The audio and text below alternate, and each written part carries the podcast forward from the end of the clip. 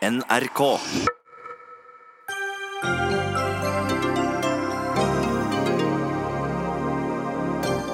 Svært spent i Frankrike før morgendagens varslede demonstrasjoner mot regjeringas avgiftspolitikk. Nærmere 100 000 politiansatte og sikkerhetsvakter er satt i beredskap.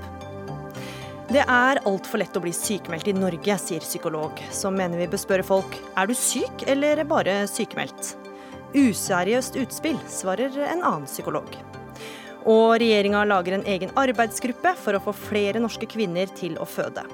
Henger ikke på greip i en verden med millioner av mennesker på flukt, mener Miljøpartiet De Grønne.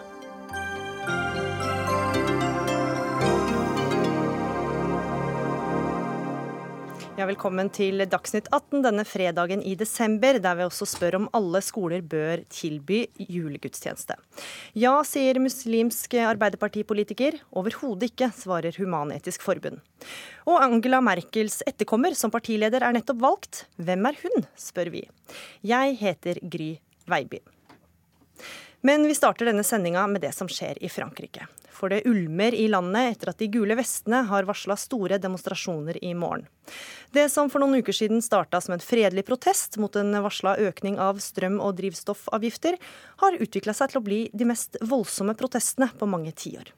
I morgen stenger Paris sine mest berømte turistattraksjoner og oppfordrer butikker og restauranter til å lukke dørene. Og rekordmange politifolk blir satt i beredskap.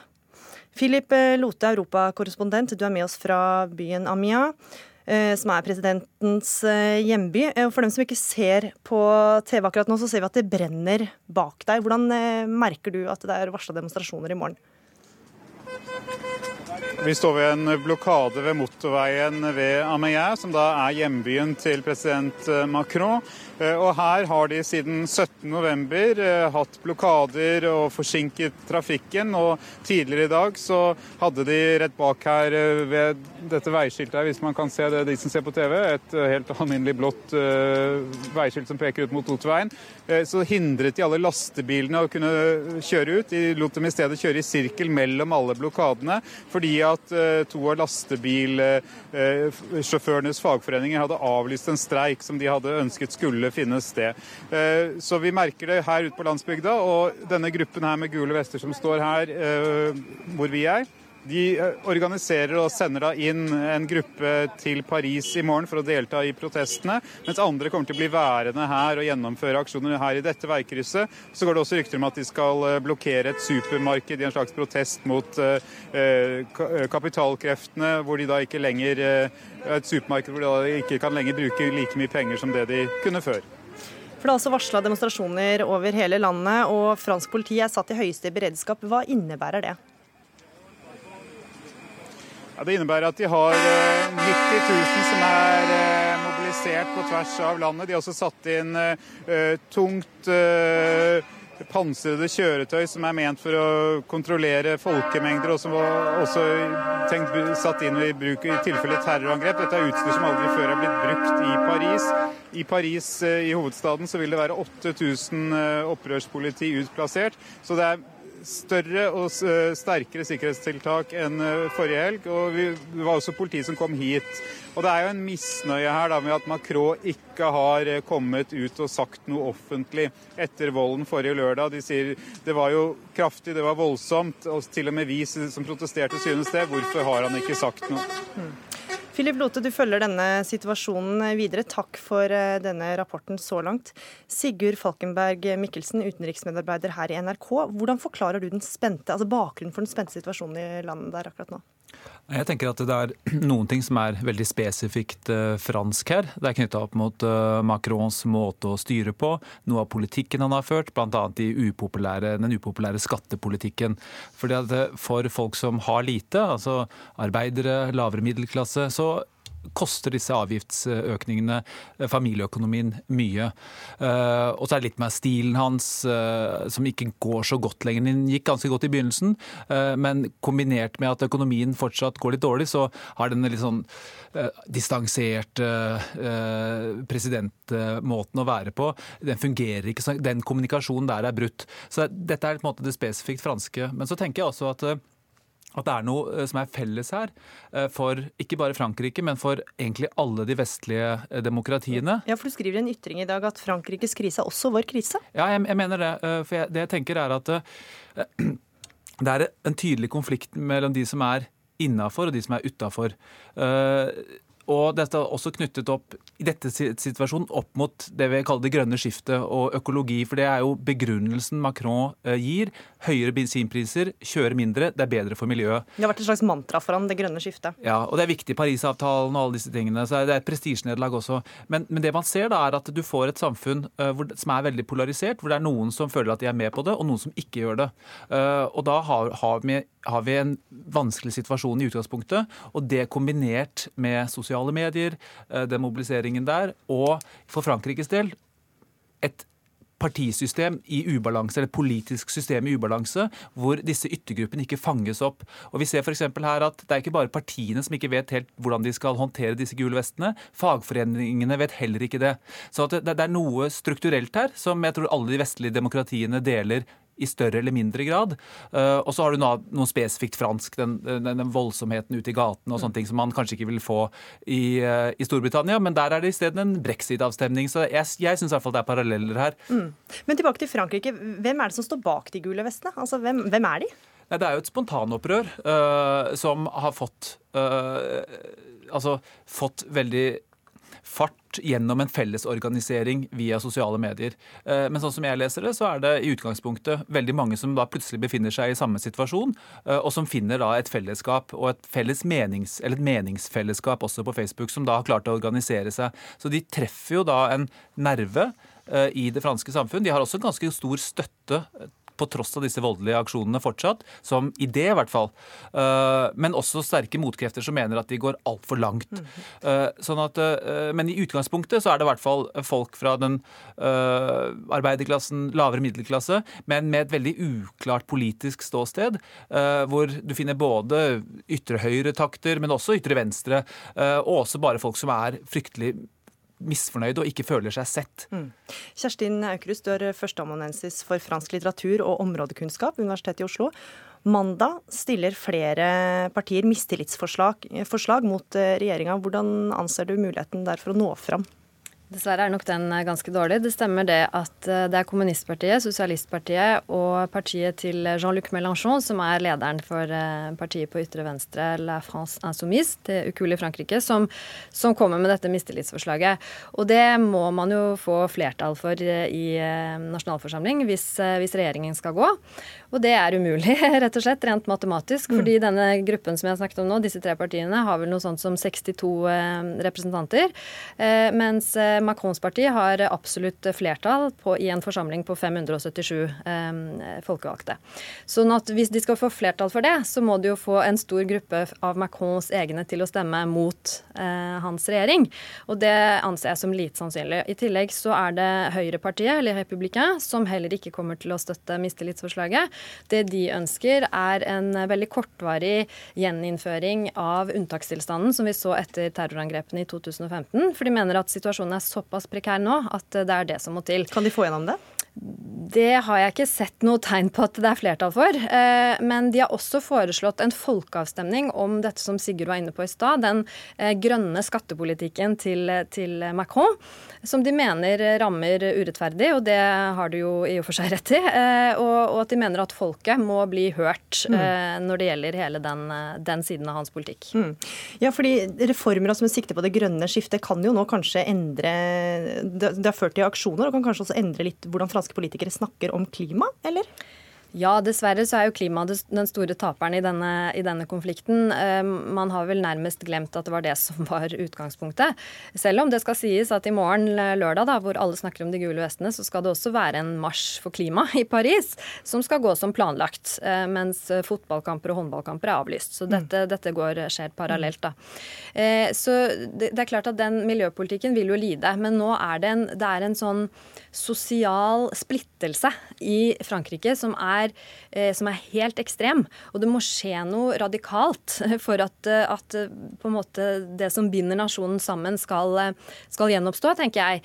Og jeg klarer ikke helt å se hva som skal være det plasteret som skal, som skal samle nasjonen igjen. Det er klart at det finnes jo ulike løsninger, og, og på ytre venstre og ytre høyre så har da Mélenchon og, og Marine Le Pen foreslått at Macron eh, skal eh, oppløse nasjonalforsamlingen, eh, slik at han kan lyse ut nyvalg. For på den måten å få et demokratisk svar mm. på krisen. Fordi at med dette absolutt flertallet som Macron har i nasjonalforsamlingen, det er jo per i dag absolutt ikke representativt for den franske opinionen. Så det er klart at hvis man kan få flere fra de andre, et mer sånn eh, representativt bilde på, på, hva folket mener per i dag, så vil jo det kunne roe gemyttene. Og vi så i en lignende krise, mai 68, så var det nettopp slik de Gaulle løste krisen ved å oppløse nasjonalforsamling og lyse ut nyvalg. Mm. Er det noen partier som tjener på denne konflikten? Altså Får de flere velgere på denne konflikten? Det er ett parti som, eh, som, skiller seg ut på, på, meningsmålingen. Det er Marine Le Pens eh, Rassemblement National på ytre høyre. Og det er også, um, det er også velgerne fra hennes parti som støtter bevegelsen sterkest. Mm. Nei, altså, jeg tenker at uh, i utgangspunktet så er dette en dyp krise uh, som uh, man kan kanskje delvis løse med et nyvalg, men jeg tror det er altfor risikabelt for Macron å gjøre det nå. så han, Det tror jeg er veldig usannsynlig. Han, han, har mange andre ting å gjøre før det. Han kan sparke statsministeren sin, han kan lage en ny regjering, gjøre, gjøre en del sånne, sånne grep. Men noe som er fascinerende her, er jo at dette kom så fort. Mm. Selv på Macrons folk så kom dette eh, som en eksplosjon. Eh, men alle som har vært på den franske landsbygda utenom høysesong i ferien, vet jo at der er det ganske tomt, det er ganske stille, eh, og det er en veldig tydelig konflikt by-land. Den var der også i valgkampen. Men så har han altså ikke klart å bygge en bro der. Han har ikke skjønt hvor viktig dette er. Og det er jo også debatt internt i politiet og den indre etterretningen, som han sier, at ikke de fanget opp disse ekstreme elementene. For det er det andre som jeg må si her, og det er at eh, de opptøyene vi så på lørdag, det var noe helt annet enn Frankrike er vant til. De er vant til voldelige demonstrasjoner, men det er et sett uskrevne regler som alle ble brutt. Så får vi se altså hvordan det går i morgen, når det da er varsla flere demonstrasjoner. Det blir garantert mer om denne saken her i NRK framover. Takk for at dere var med, Sigurd Falkenberg Mikkelsen og Kjerstin Aukrust. Dagsnytt 18 alle hverdager klokka 18. På NRK P2 og NRK2.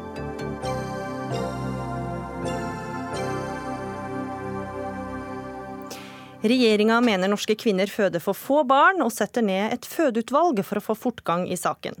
Det kan vi lese i avisa Klassekampen i dag, for ikke siden 1930-tallet har fruktbarhetstallene vært så lave, som nå ligger på gjennomsnittlig 1,62 barn per kvinne. Og dette tallet vil dere nå øke, Linda Hofstad Helleland, barne- og likestillingsminister. Hvorfor er det så bekymringsfullt at det fødes færre barn i Norge?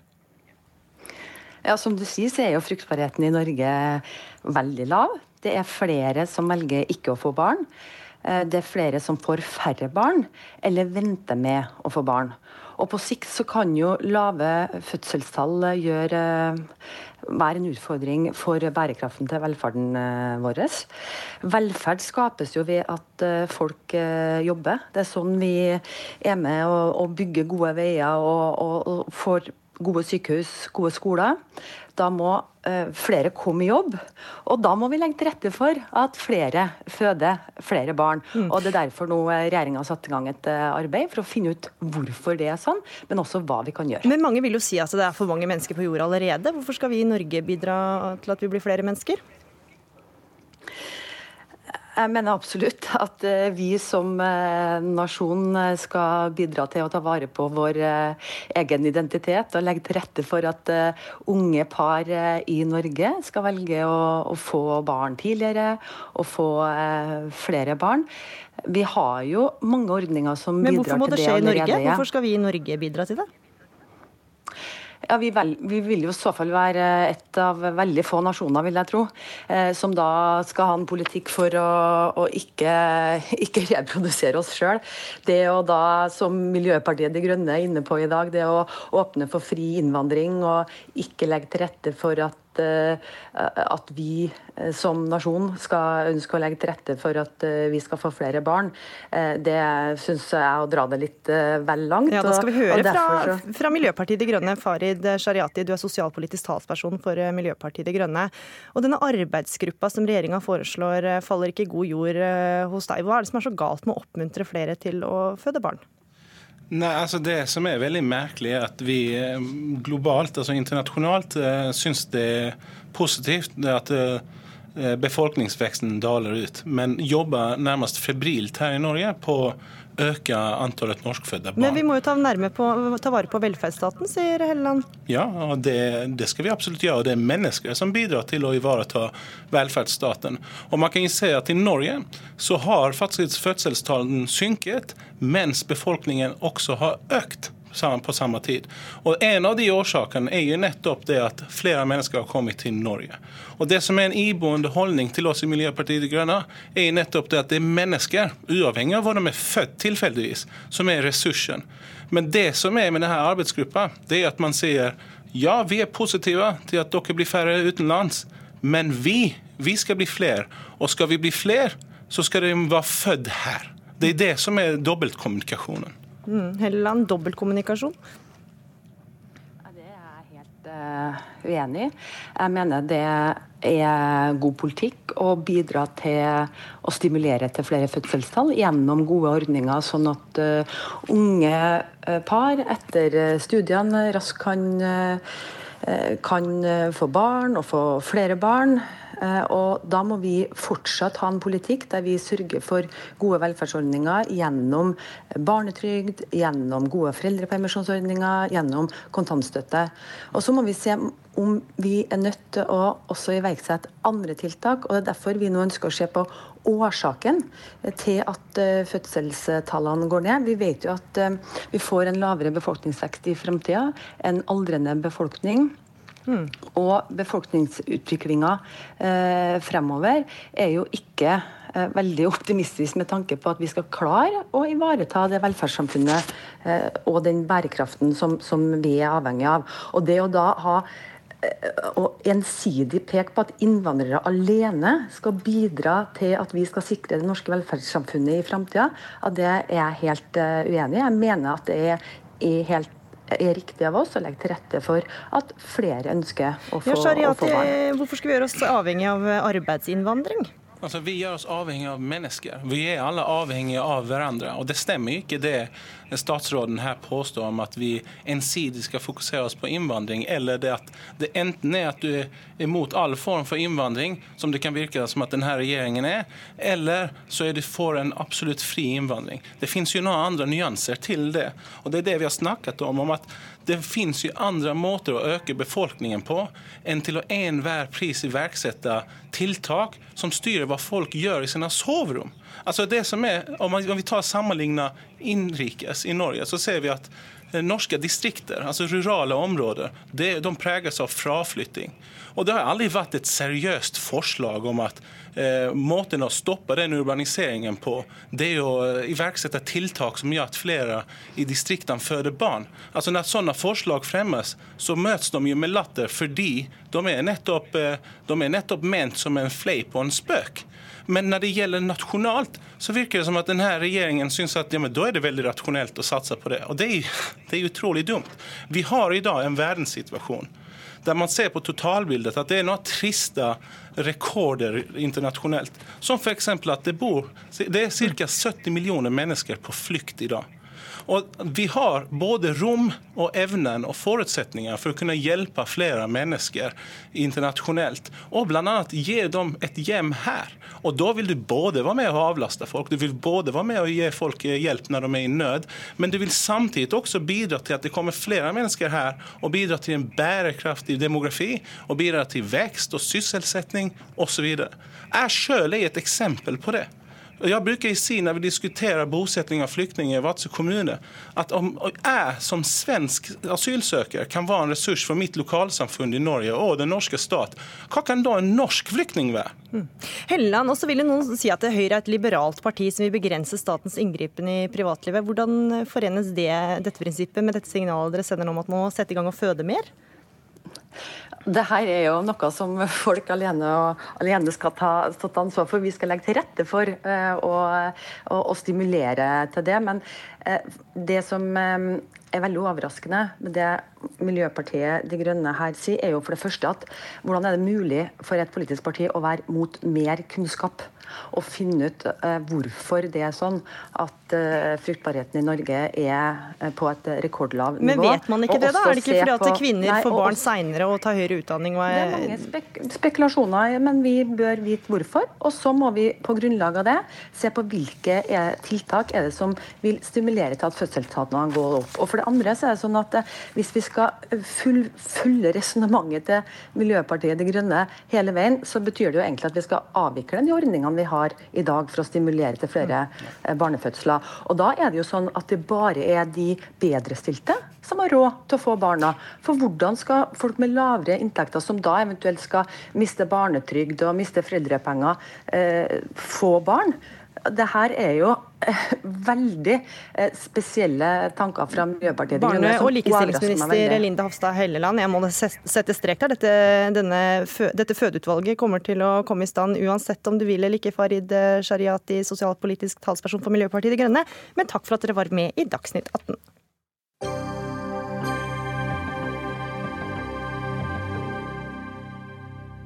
Det har vært mye snakk om sykemeldinger denne uka, særlig i forbindelse med at Venstres Abid Raja eh, ble sykemeldt, bl.a. etter en konflikt med partileder Trine Skei Grande.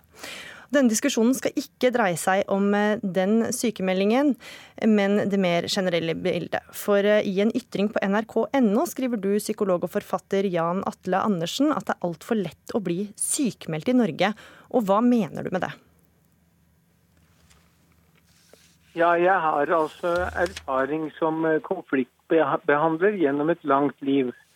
Og eh, jeg har ofte blitt frustrert over at uh, mennesker som har vært sentrale i konflikter på arbeidsplassen, sykemelder seg rett før konfliktbehandlingsprosessen skal ja, du, du skriver at sykemeldinger ofte kommer etter en konflikt på jobben. Altså, hvordan vet du at det er mange sykemeldinger som kommer pga. det? Jo, jeg, Det er jeg som er konfliktbehandleren, så jeg vet når folk ikke møter opp. Mm. Og derfor mener du at det er altfor lett å bli sykemeldt i Norge? På, på, ja, hvorfor? og mange som er sykemeldte, de er, eh, de er ikke syke. De furter, de er sinte. De føler seg krenket eh, eller har latt seg krenke. Mm. Så det er ikke det at de er syke, de er bare sykemeldt. Det er det du oppfordrer folk å, til å spørre andre om? Ja, det er iallfall eh, en problemstilling som jeg syns er verdt å nevne. Mm. Carl Eldar Evang, du er psykologspesialist, og i et svar på NRK Ytring skriver du at det er på grensen til uetisk eh, av en utdannet psykolog å uttale seg på denne måten om eh, slike sykemeldinger. Hvorfor det? Jo, det er fordi at en sykemelding vil for mange komme når de er i en veldig alvorlig situasjon. Eh, det kan være en krise i livet. Eh, og hvor konflikten på jobben bare er én brikke i et stort bilde. Eh, og de som da enten er sykemeldt eller tenker på å sykemelde seg, kan da, når det er en psykolog som går ut på denne måten og bruker ord som furte og sinna og latterlig osv., småbarn, så kan de kjenne seg angrepet. og, og Eh, det er på en måte ikke det som er vår psykologers eh, oppgave i, i denne sammenhengen. Hva kan konsekvensen av slike utspill være da, Eva, mener du? Altså, eh, Mange pasienter som jeg har, som enten eh, er opp mot uførevurdering eller er sykemeldt osv., går og bærer på mye skam. Så skammen kan forsterkes. Og det er jo en en ødeleggende faktor i, kan være en ødeleggende faktor i, i, i bildet. Eh, og hvis, hvis, denne tendensen som, som, Andersen da på en måte er en eksponent for, ved å latterliggjøre eller, eller angripe sykemeldingsgrunnene, skulle bre om seg, så, så kan det bli en form for sosial utstøting av de som sykemelder seg. Ja, Andersen, det er jo ganske sikkert at mange føler skam da, ved å måtte sykemelde seg i perioder. Kan ikke du da bidra til å gjøre denne skammen større ved dette utspillet? Jeg er opptatt av at uh, mennesker som er i konflikt, får behandling. Og uh, da, uh, det er grunnen til at jeg sier det jeg sier. Ja, for du mener folk må ta ansvar for sine egne reaksjoner og ikke la seg krenke eller irritere. Men er det så enkelt? Eh, det er enkelt, men ikke lett å slutte å irriteres av bagateller. Men hva mener du da, folk som er i en eh, konflikt på jobben eh, og som syns at dette blir vanskelig å være på jobb, hva bør, hva bør de gjøre?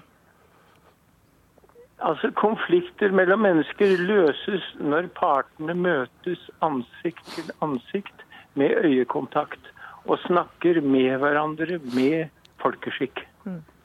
Og ja. Det er det vi må prøve å få til. Og det gjør vi ikke når folk sitter og er sykemeldte.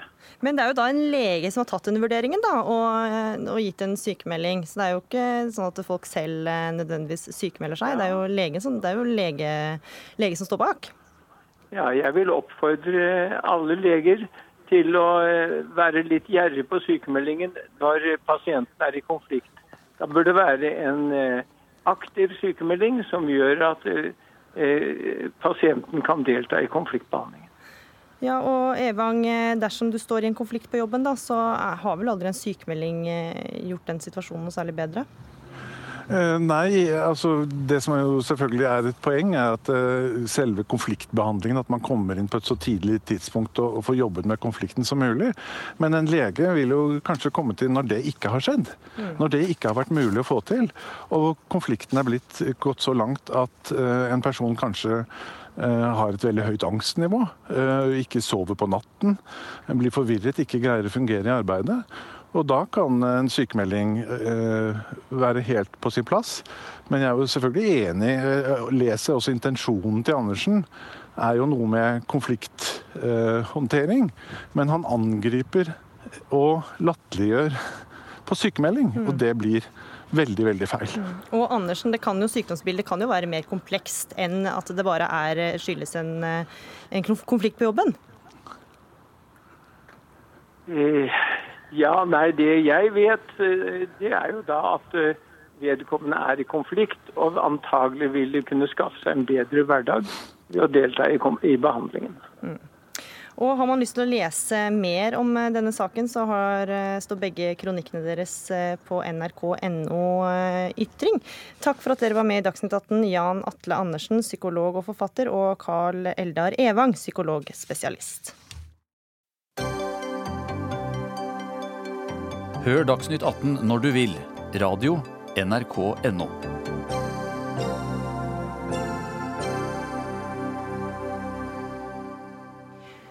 Folk eh, flokker seg foran TV-en for å se neste episode i Orderud-dokumentaren, og løper til bokhandleren for å nappe til seg den siste boka om norske mordgåter.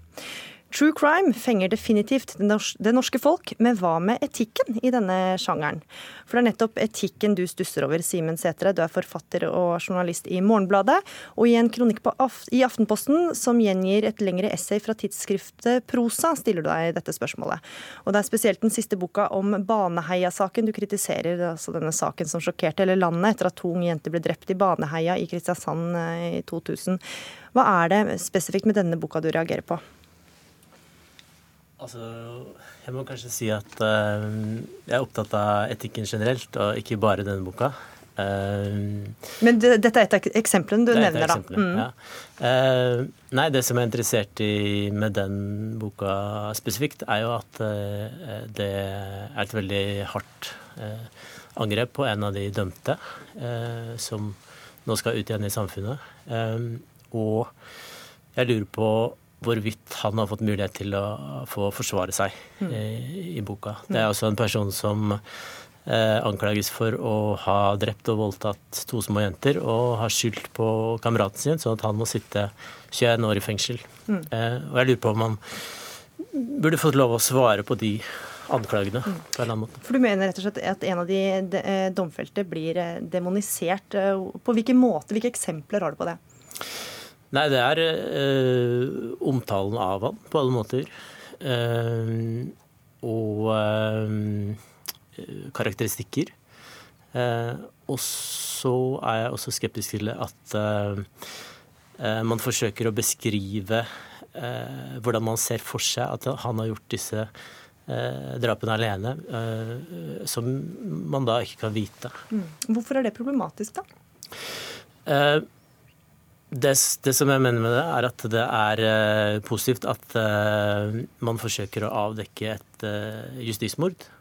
men jeg mener at den personen som disse veldig grove anklagene rammes av, også burde fått lov til å mm, komme med sine beste argumenter. Mm.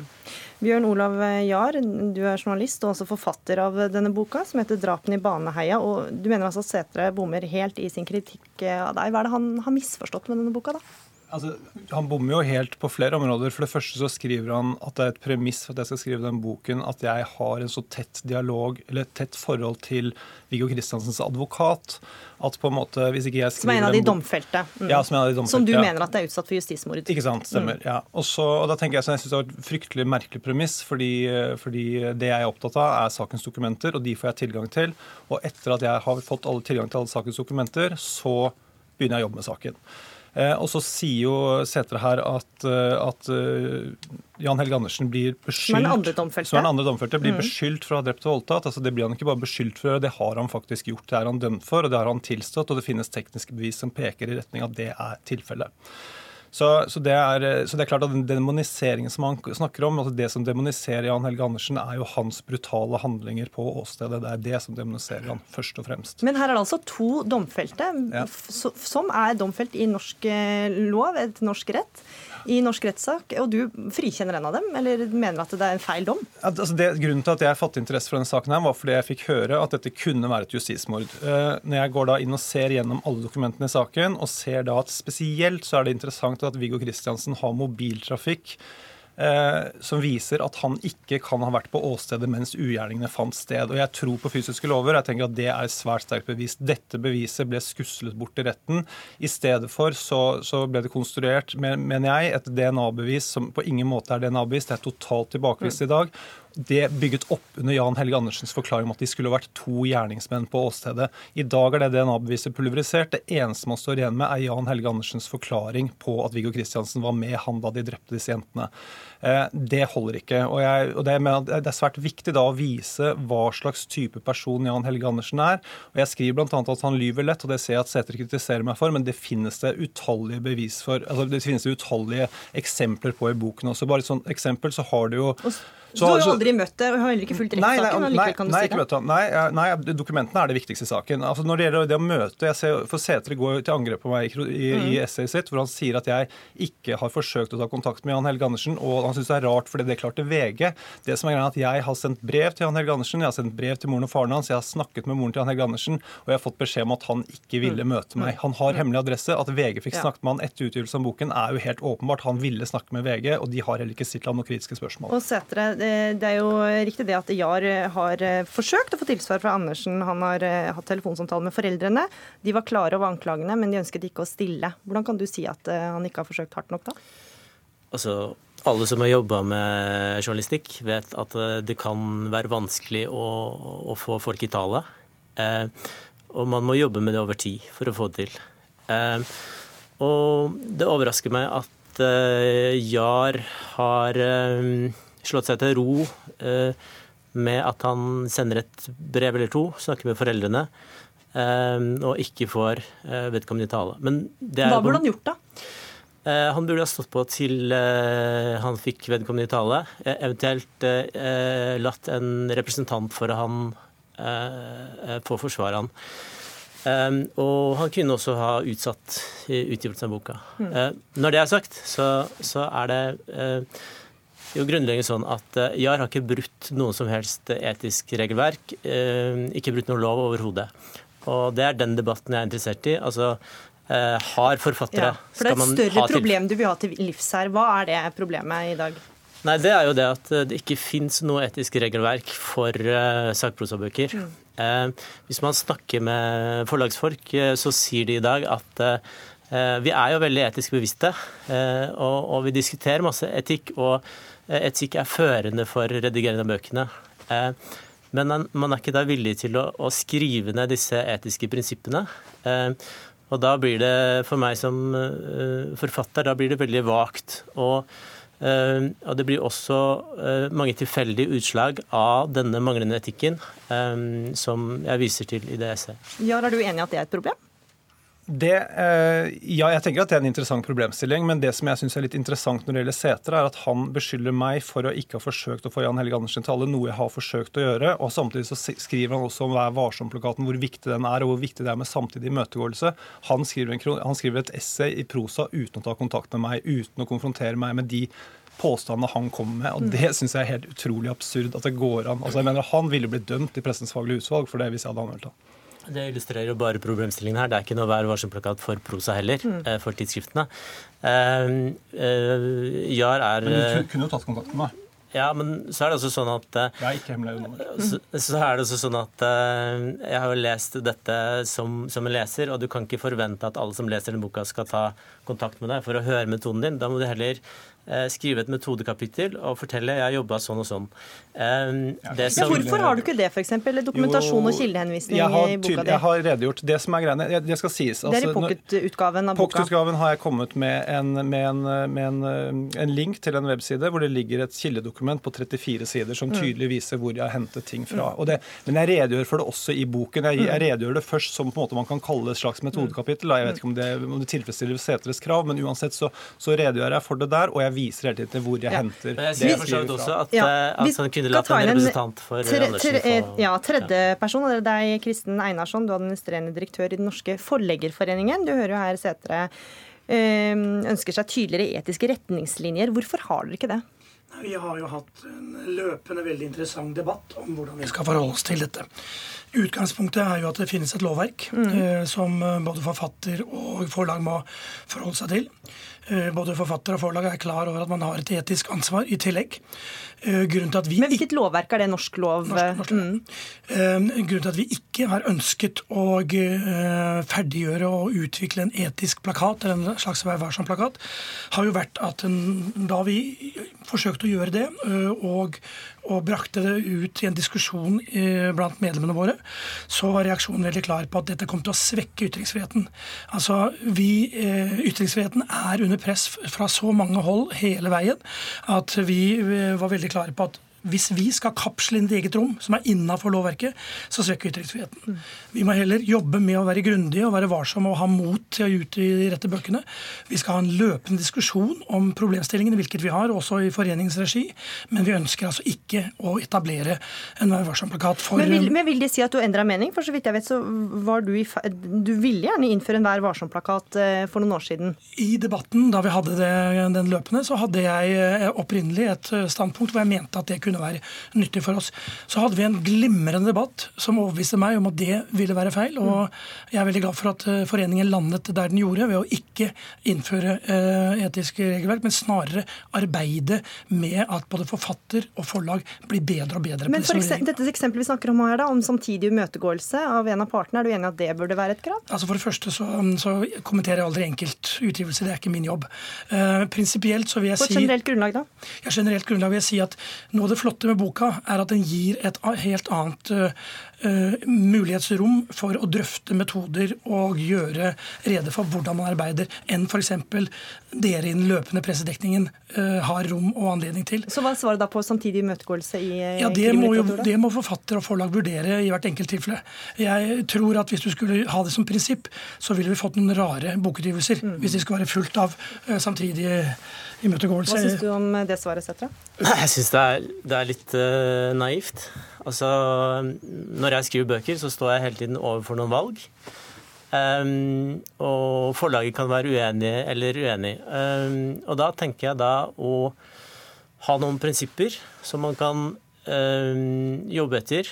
det tenker jeg kan være både av det gode for meg når jeg jobber, når jeg skal ta mine valg, og det kan være av det gode for uh, debatten. Mm. Fordi når det, er, når det, er, anarki, når det ikke er noen regler overhodet, så kan jeg også bli anklaga for å være uetisk eh, om hva som helst. Ja, Einarsen, også har vi flere eksempler på bøker som enten har måttet bli trukket tilbake eller fått kritikk for æreskrenkelse. Altså, Hva lærer forlagene av disse sakene? Jo, jeg, tror, jeg tror man løpende lærer veldig mye av, uh, av dette. Og, og, jeg har ingen tro på at hvis Forleggerforeningen skulle laget retningslinjer, så skulle vi gjøre livet så mye enklere for forfattere og forlag. De, de er oppe i de, akkurat de samme dilemmaene, enten det er et regelverk laget av oss eller et lovverk. og et etisk ansvar som du har. Denne debatten mellom forfatter og forlag må pågå hele tiden. Og situasjonen er jo den at forfatteren er jo ikke ansatt av et forlag. Vi har jo ikke samme uh, ansettelsesforhold som f.eks. pressen har. slik at til slutt, hvis et forlag mener Men dere har ansvar for det dere gir ut, da? Ja, helt korrekt. Men hvis det til slutt er slik at det blir en problemstilling hvor et forlag er uenig med forfatteren, ja. så betyr det at forlaget må la være å utgi boka. Ja. Veldig kort til slutt, Søtre. Altså, øh, Hvis man er så etisk øh, bevisst og har disse gode diskusjonene, hvorfor kan man ikke da gjøre som ethvert Eh, stort selskap gjør, nemlig å skrive ned noen etiske retningslinjer. Da fikk du i hvert fall eh, gitt det og videre. Takk for at dere var med i Dagsnytt 18, Simen Sætre, forfatter og journalist i Morgenbladet, Bjørn Olav Jahr, journalist og forfatter av 'Drapene i Baneheia', og Kristen Einarsson, administrerende direktør i Den norske forleggerforening.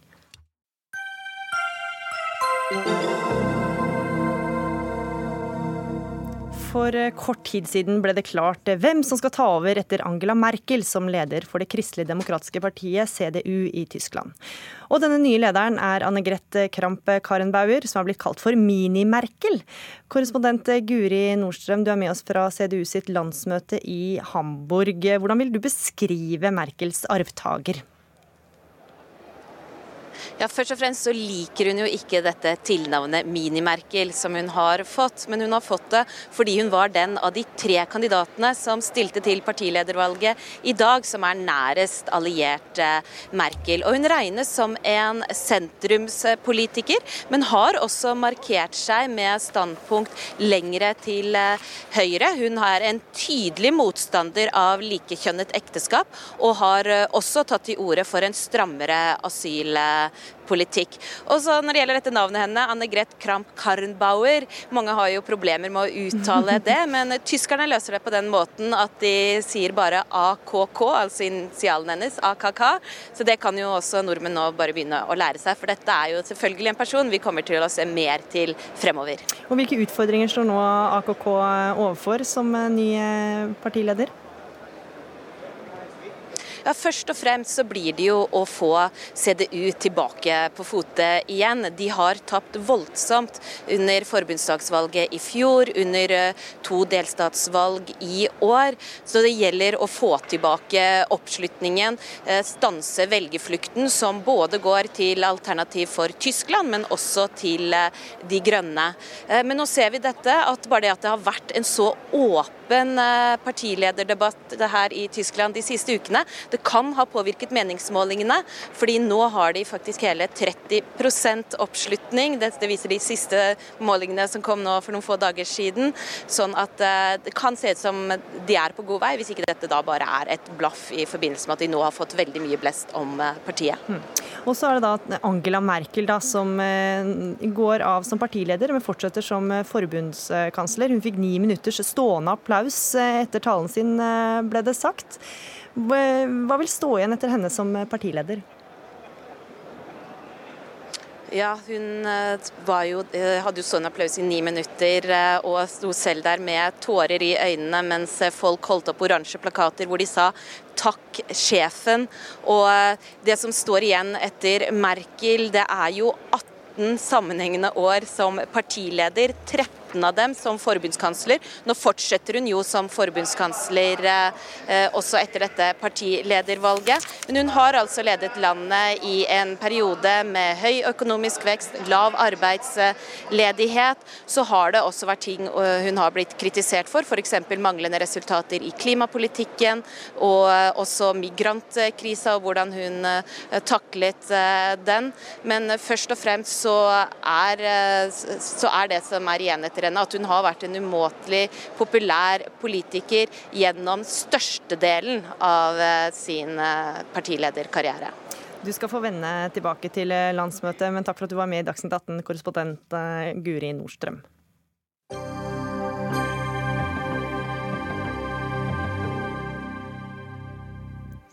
Detaljstyring av utdanningspolitikken av verste sort eh, og skivebom, hevder rektor ved Universitetet i Oslo, etter et Arbeiderpartiforslag som ble, ble behandla i Stortinget denne uka. Utspillet kom etter at Arbeiderpartiet foreslo å gi toppidrettsutøvere som vil ta høyere utdanning, lengre studieløp og samtidig sikre en bedre studiefinansiering. Og Nina Sandberg, du er stortingsrepresentant for utdannings- og forskningskomiteen for Arbeiderpartiet. Aller først, hvorfor denne omtanken for toppidrettsutøvere? Vi har eh, foreslått eh, at det skal bli enklere å kombinere toppidrett og utdanning. Eh, fordi at i dag er det såpass vanskelig for mange at man må velge enten å drive idretten sin eller å studere. Mm.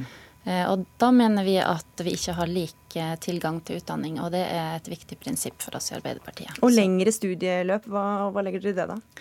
Eh, lengre studieløp. Jo, eh, det vi foreslår er jo kort og godt at man eh, er litt mer fleksibel enn man er i dag. At du kan justere kravene til studiestøtte, sånn at du skal se på om det er mulig å få studiestøtte selv om du studerer mindre enn på halv tid. Og at du kan justere litt på studieløpene. Mm. Studere mer på deltid og sånne ting. Mm. Svein Stølen, rektor ved Universitetet i Oslo.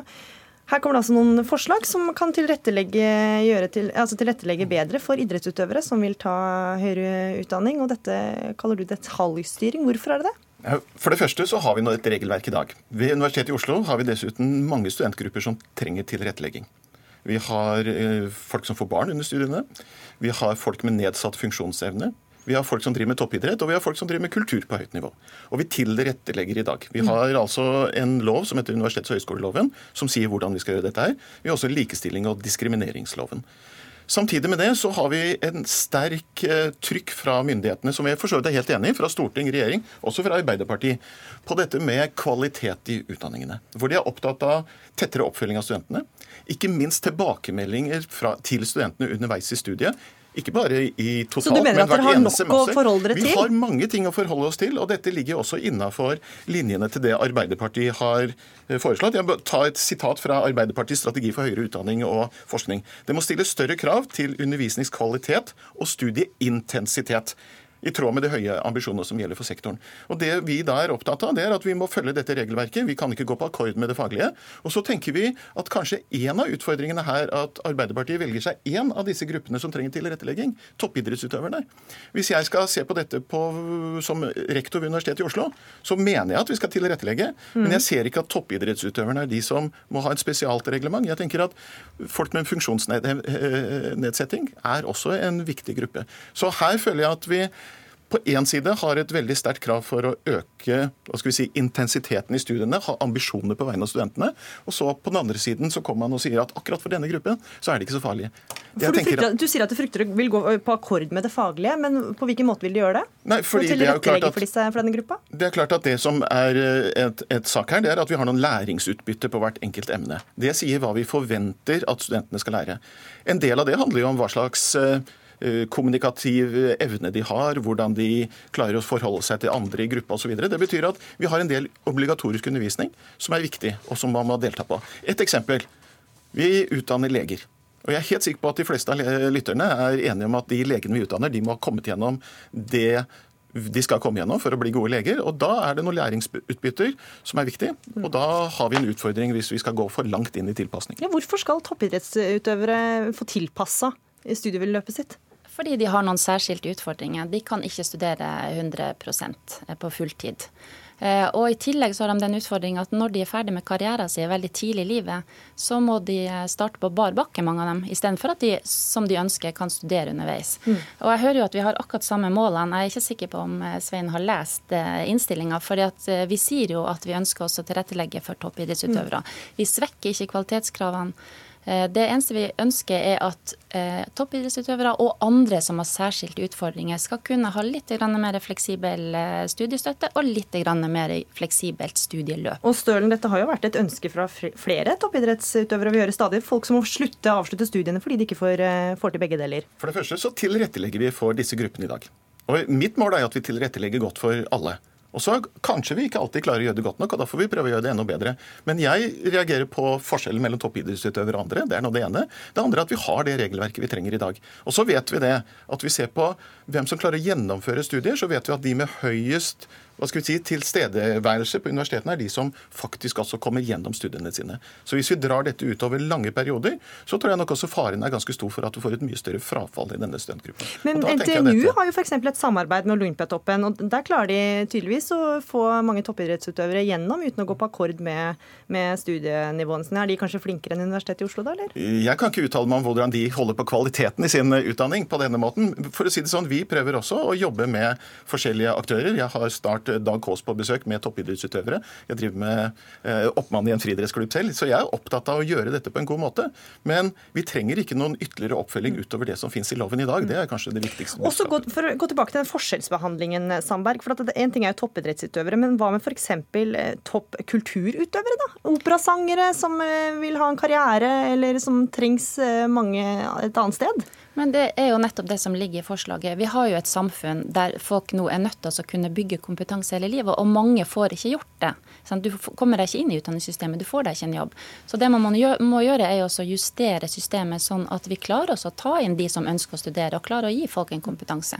Det er derfor forslaget er formulert sånn som det, at det er både toppidrettsutøvere, men også andre med særskilte utfordringer som kan få eh, Som kulturtopper, da, f.eks.? Eller noen som driver jo, opera? Altså, det er for enkelt å ta stilling til noe, men det må man jo ta stilling til i det enkelte tilfellet. Men det som er et faktum, er at lærestedene eh, altså det er vilkårlig behandling per i dag. Noen får tilrettelegging, andre får det ikke. Vi ønsker at alle skal kunne få det, og løfte den lille gruppa på det er, dette dreier seg om ikke mm. mange mennesker, men som er interessert i å ta utdanning og bygge kompetanse og få ja. seg en jobb. Stølen, Hvilket råd har du da, hvis det er en toppidrettsutøver som sitter og hører på dette her og gjerne har lyst til å begynne å studere ved Universitetet i Oslo? Så må du komme i dialog med oss. og Det er ikke vilkårlig, men det er sånn at vi må forholde oss til de kravene som er, og så behandler vi det enkelt. Må de velge toppidretten eller Av og til så er det klart at Universitetet i Oslo er en av de beste universitetene i Europa. Så skal du ta en utdanning der, så er det også noen krav som stilles til deg som student. Så av og til så er det vanskelig å gjøre begge deler. Det skal vi være enige om. Mm. Så det gjelder nå å få en dialog, og da har vi det regelverket vi trenger allerede i dag. Og dialogen starta litt her i dag, den kanskje? Den dialogen har vi hver eneste dag med ulike folk som trenger tilrettelegging. Takk for at dere tok den for oss også, Nina Sandberg, stortingsrepresentant for Arbeiderpartiet, og Svein Stølen, rektor ved Universitetet i Oslo.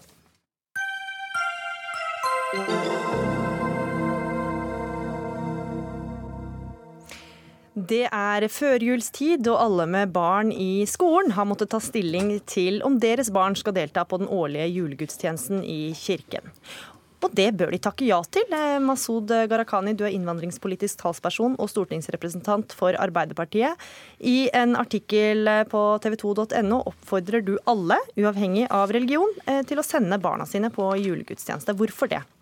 Ja, altså Nå har du nok en stortingsrepresentant som er veldig glad i jula. Han gleder seg som en unge til jula hvert eneste år. Og, snakker du om deg selv nå? Eh, nå snakker jeg om meg selv, ja. Helt riktig. Person, ja. jula er en fantastisk tid. og Det som forundrer meg hvert år, det er at man får en diskusjon om at eh, noen skoler velger å droppe julegudstjeneste. Og det kan ikke jeg forstå hvorfor man gjør. Ja, for Det er én av fem skoler her i landet som har ikke, de har ikke julegudstjeneste på timeplanen. Ja, fordi På den ene siden så er det jo sånn, og det forstår jeg at noen reagerer, fordi eh, det er slik at eh, jula er en del av norsk tradisjon og historie. Eh, vi har Kristendommen er en del av norsk historie, og jula er kristen høytid. Og Da skjønner jeg at folk reagerer på det, at man velger å prioritere bort det. På det andre punktet som jeg syns er utrolig viktig, det er at jula handler også mer enn om religion. Eh, det handler først og fremst om barna, eh, og at alle barn får muligheten til å delta i julens glede. Og det at man får muligheten til å delta på julegudstjenester, det sosiale fellesskapet, uansett hva slags bakgrunn man har, det mener jeg er bra for Norge. Mm. Jens Brun Pedersen, pressesjef i Human-Etisk Forbund. Hvorfor er det så galt at skoleelever, uansett religion, går sammen i kirka i jula? Det er en sosial sosial sammenkomst og synger eh, julesanger? Ja, jeg syns barn må gå så ofte på gudstjenester som de bare hæler i, og som eh, foreldrene måtte ønske.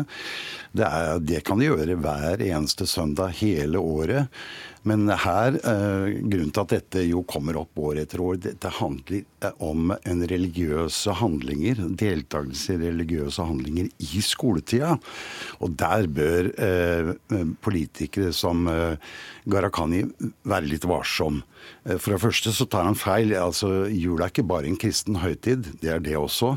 Eh, det fine med jula er jo at uansett hvilke religiøse eller kulturelle tradisjoner du føler deg tilknyttet til. Så kan vi feire jul. Jula er jo en veldig inkluderende høytid. Så jeg hadde håpet at det politiske miljøet i Norge snart kunne Men hvorfor er det da problematisk at skolene tilrettelegger for det? Hvis det er Fordi... en ting som alle kan enes om. Og vi er jo et eh, land bygd på kristne tradisjoner. Jeg syns at det er uverdig at våre politikere heier på en adskillelse av elevmassen hvert eneste år, noen ganger for påske også, etter foreldrenes livssynsoverbevisning og livssynstilknytning. Vi burde sørge for at fellesskolen, som har likebehandling og likeverd som honnørord, kunne lage verdige og fine og høytidelige avslutninger før året er slutt, før høytider, hvor de forskjellige grupperingene av elevene, enten de var muslimer eller kristne eller humanister eller hva det måtte være, kunne framføre sanger og tekster, og vi kunne synge julesanger sammen også. For jeg er helt enig med Gharahkhani, jula er en fin høytid. Og Gharahkhani, uansett om du går ut og anbefaler alle å delta på julegudstjeneste, så vil det jo alltid være noen som ikke tar din oppfordring og ikke vil at barnet sitt skal gå der. Så da kan det jo være en ekskluderende hendelse. Nei, altså Vi skal ha respekt for at noen ikke vil. Men poenget her er jo at mange skoler velger å droppe det. fordi Man tror bare fordi at man er en flerkulturell skole, så ønsker f.eks. ikke at muslimske barn eh, til å delta på julegudstjenester. Jeg mener det er feil utgangspunkt. Mange av de muslimske vennene jeg, jeg har, og jeg er muslim sjøl, eh, og jeg gleder meg til at sønnen min skal begynne på skole neste år, at han også får muligheten til å oppleve det jeg opplevde gjennom oppveksten min. Og jeg skjønner ikke hva folk er redd for. Eh, jeg kom til Norge som femåring. og vokste opp på bygda i Skotselva. Eh, og hvorfor jul betyr mye for meg, er jo at når vi kom til lille Skotselva, eh, så blei vi kjent med en godt voksen dame som var naboen vår. Hun inviterte oss inn til julaften og lærte oss om jul og juletradisjoner. Jeg deltok på alle julegudstjenester. Eh, lærte om jul og historien og kristendommen. Jeg mener det er flotte tradisjoner, at alle kan være med. Og jeg ble ikke en eneste gang spurt om vil du konvertere til kristendommen. Poenget er at jeg, jeg mener at man gjør fort en beslutning beslutning at eh, nei, dette skal vi ikke ha. Jeg mener det er viktig at alle barn, uansett bakgrunn, lærer om norsk eh, juletradisjoner og historier. Eh, og det er viktig at vi sørger for at det blir et sosialt fellesskap. Men Brun Jensen nikker meg her, så det er jo bare det at det skjer i skolens regi han reagerer på. Nei, ja, også reagerer på. Jeg syns også vi skal lære om uh, den kristendommens påvirkning på vår kulturarv. Gjerne også arbeiderbevegelsens påvirkning, kvinnebevegelsen, fritenkerbevegelsen, de sosialliberale gruppenes påvirkning på vår kulturarv. Men det er jo ikke helt Men det samme som jul, da. Men dette dreier seg om at barn eh, jeg syns vi skal lære om, men vi skal ikke ha opplæring i religion. Altså Religionsutøvelse det tilhører familiens og privatlivets sfære. Men på hvilken måte er en julegudstjeneste for barn eh, forkynnelse? Selvfølgelig er det det. Hvis du ikke har vært på gudstjeneste før, så vil jeg anbefale det sterkt. Det er jo det evangeliske lutherske trossamfunnet som forkynner om Gud og om Jesus og om frelsen og om det hele tatt. Altså, og det har jeg full respekt for. Og det er trossamfunnet, eh, det evangelisk-lutherske trossamfunnet, som inviterer Gharahkhani. Det er ikke skolen. Og da må rektorer i samarbeid med foreldre, driftsstyre eller FAU-er og sånt, selv få lov å bestemme om de vil takke ja til denne eksterne invitasjonen. Jeg syns ikke verken stat eller kommune skal blande seg inn i hva en skole bestemmer seg for å gjøre. Dette er følsomme ting. Eh, eh, vi ville ikke drømt om å sende våre barn hvert år, kanskje gjennom et skoleløp på ti år, til politiske arrangementer for ett politisk parti. Altså, Vi har en livssynsflora som vi bør behandle akkurat som vi gjør med den partipolitiske floraen. Gharahkhani skal få svare kort, for vår tid er i ferd med å renne ut. Poenget er at folk lærer jo om jula på skolen. Det å få muligheten til å delta på julegudstjeneste har noe med stemningen å gjøre, opplevelsen å gjøre. Og for mange foreldre som også opplevde det gjennom oppveksten, så mener jeg at vi skal gi det tilbudet til barna. Og så er det jo sånn at de foreldrene som absolutt ikke ønsker at barna sine skal på det tilbudet, skal jo selvfølgelig få et alternativt tilbud. Men Det du som er, utfordring... som er muslim med iranske røtter, da, syns du det var forkynnende å være med på julegudstjeneste i oppveksten? Absolutt ikke. Jeg husker til og med at en gang så ble jeg oppfordra av presten min, for jeg kaller han for presten min, til å komme og si noen ord. At muslimen fikk mulighet til å si noen ord i kjerka.